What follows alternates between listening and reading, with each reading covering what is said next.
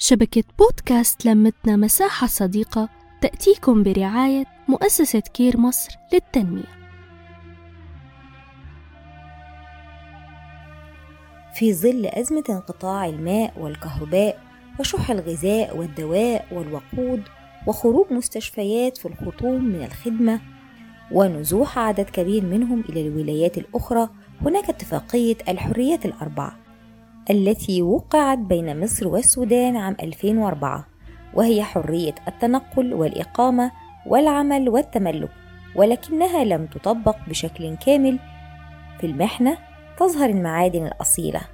أنتم بين نسكم هذا الشعار رفعه المصريون وبدأ الدعم الحقيقي لتوفير الخدمات الطبية للمحتاجين منها من السودانيين وألبان الأطفال لأطفال السودانيين.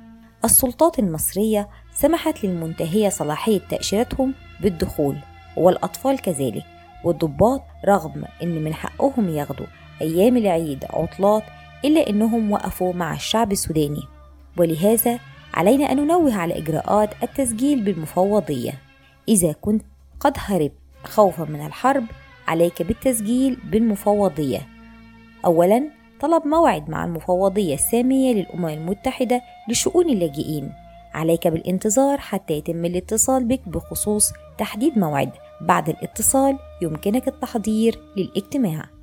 يجب على جميع الأشخاص الذين يبحثون عن اللجوء أسرة كانت أو أفراد أن يحضروا الموعد. سيحصل كل شخص مسجل على رقم ملف. بمجرد التسجيل لدى المفوضية سيتم إصدار بطاقة مفوضية الأمم المتحدة لشؤون اللاجئين توفير وثائق الهوية الخاصة بالمفوضية عليك أن تحضر جميع المستندات جوازات السفر أوراق الهوية شهادات الزواج شهادات الميلاد التعداد العائلي كتيبات الخدمة العسكرية الشهادات الطبية. ما أصعبها من مراحل ولكن علينا أن نتجاوز المحنة وأن نستعد لها بكل الدعم لأهالينا السودانيين. علينا جميعا أن نتكاتف من أجل أن نعبر المحنة وتعود السودان كما كانت. كنت معكم صفاء فوزي من بودكاست شبكة لمتنا مساحة صديقة وبودكاست الحكاية. بنتمنى السلام للجميع. إلى اللقاء. نحكي نتشارك نتواصل.